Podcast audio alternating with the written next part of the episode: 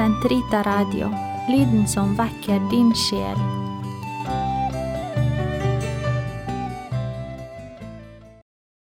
Hei, og velkommen til Katolsk i hodet, episode 9, Kjærlighet og kall.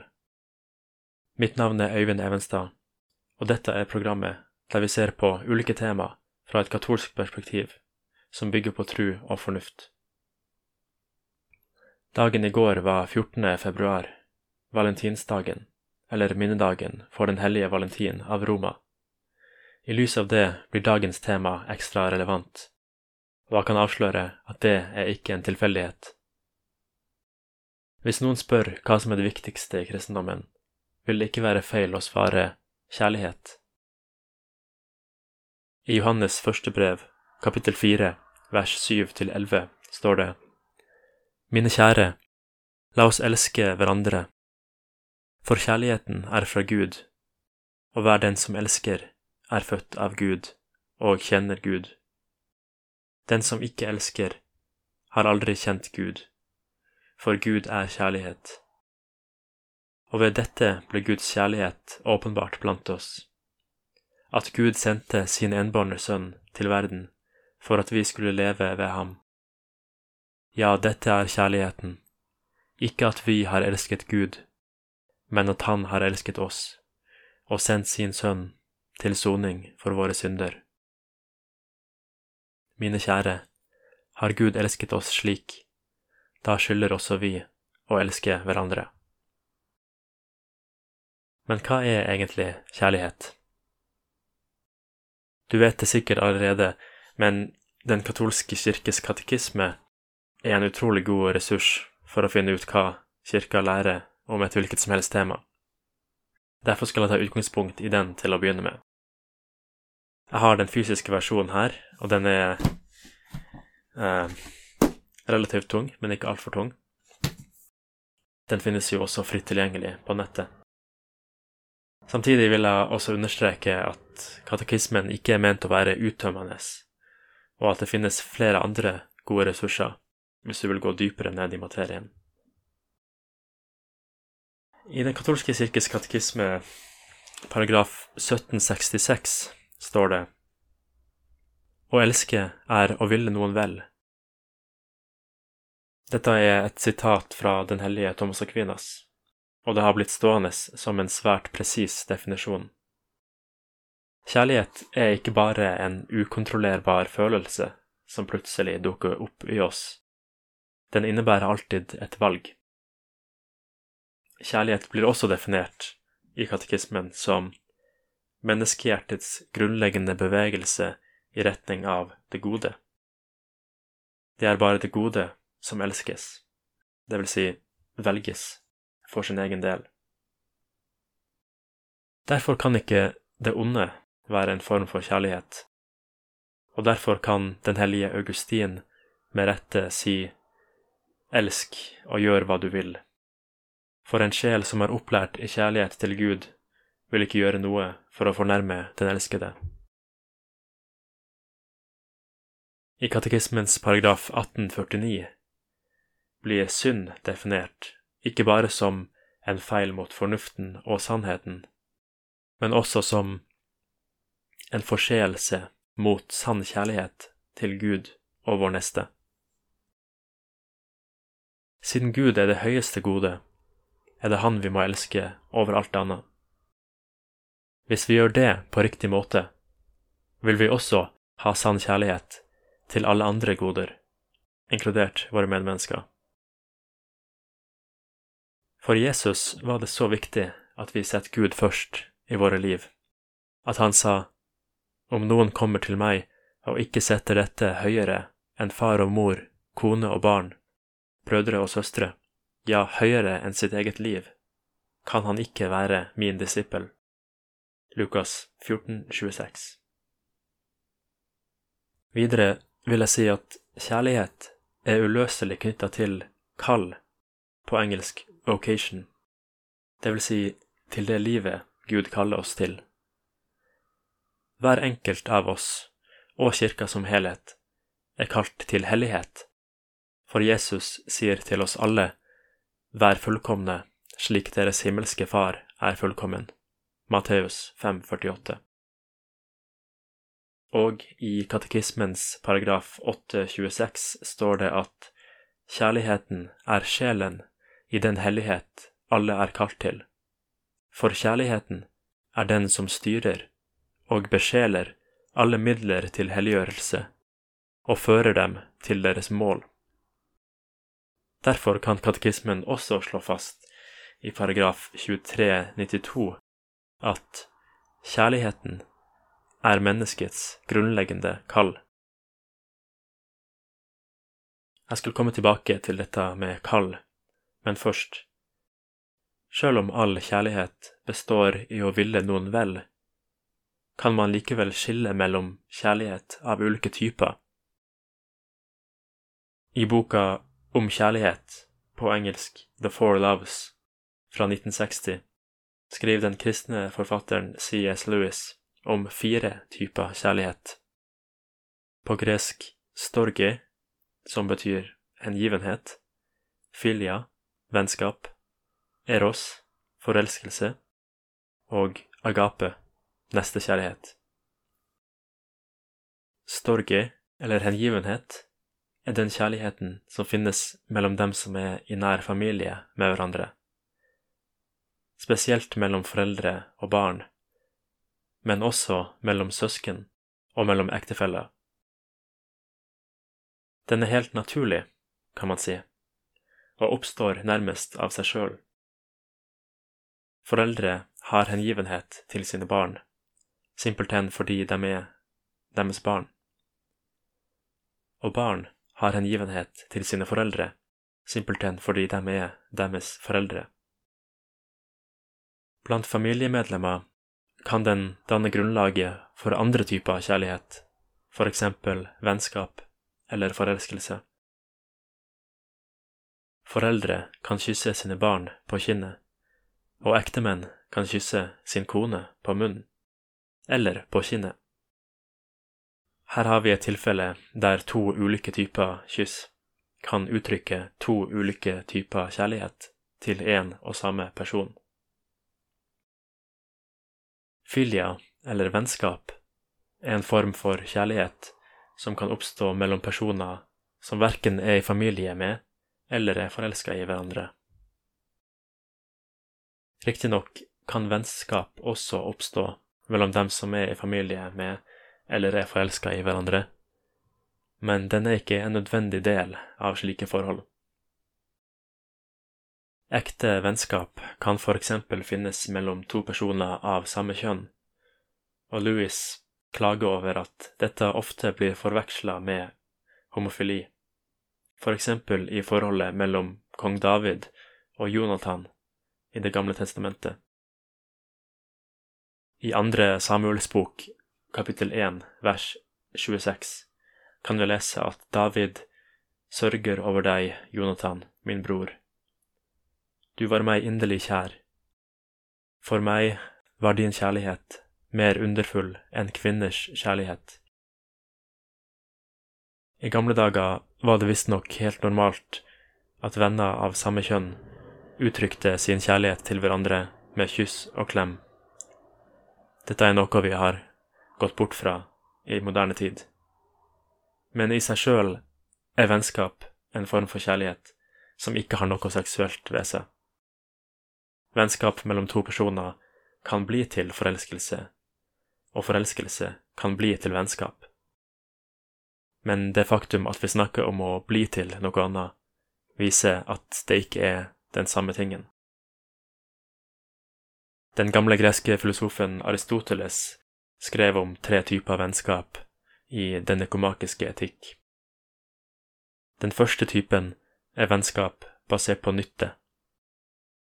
Den andre typen er vennskap basert på nytelse. Men det er bare den tredje typen som ifølge Aristoteles er sant vennskap, eller vennskap i streng forstand nemlig vennskap basert på dyd. I et slikt vennskap vil man noen vel for deres egen del, og ikke på grunn av noe man kan få ut av dem. Dessuten er de to partene forent av felles kjærlighet til et større gode, ideelt sett til det gode i seg sjøl, som er Gud. Louis forklarer dette ved å si at de som er forelska, er vendt mot hverandre, men de som er venner, står side om side og er vendt i samme retning, mot det større gode som binder dem sammen. Forelskelse, eller vi kan si romantisk kjærlighet, er forbundet med, men ikke identisk med, seksuell tiltrekning. Når man er forelska i en person, er det personen som helhet man er opptatt av, ikke bare det seksuelle ved hun eller han, som til tider kan virke nesten irrelevant.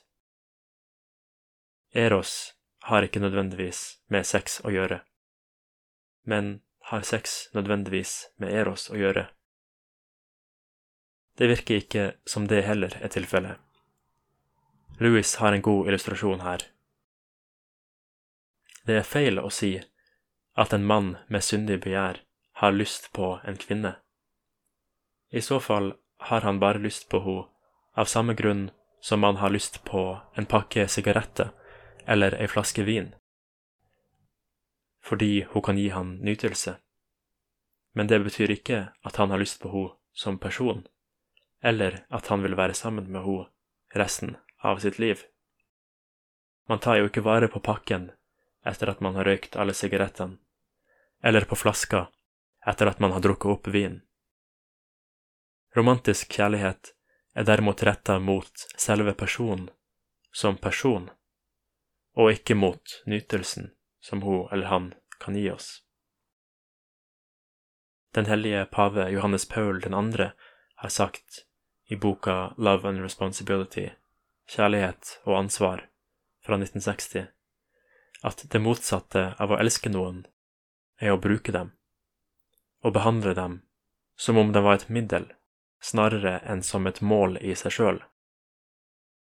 Å bruke en person som et middel for sin egen nytelse kan ikke sies å være en form for kjærlighet, ikke engang Eros.